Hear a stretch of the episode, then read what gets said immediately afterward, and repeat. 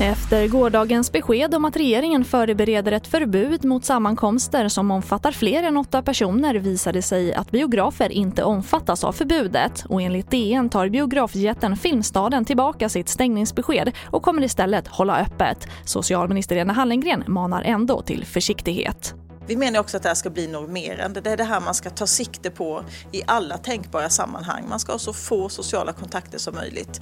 Och det kanske till och med är så att åtta ibland är många därför att vi säger också att man helst bara ska ha fysiska kontakter, alltså vara nära eh, person i sitt eget hushåll. Och minst 15 bilar har fått punktering nu på morgonen vid Kungens Kurva i södra Stockholm efter att tjuvar kastat ut fotanglar på flera vägar i området efter en smash and grab-kupp mot elkedjan Mediamarkt. Polisen misstänker att flera fordon använts vid kuppen och det är i nuläget oklart vad som stulits och till vilket värde. Polisen har inlett en förundersökning om grov stöld. Och flygplatsen Kastrup i Köpenhamn stänger om en vecka nästan hälften av terminalområdet på grund av det minskade resandet under coronapandemin. Nedstängningen gäller till och med år 2021 om inte passagerarantalet stiger. TV4-nyheterna, jag heter Charlotte Hemgren.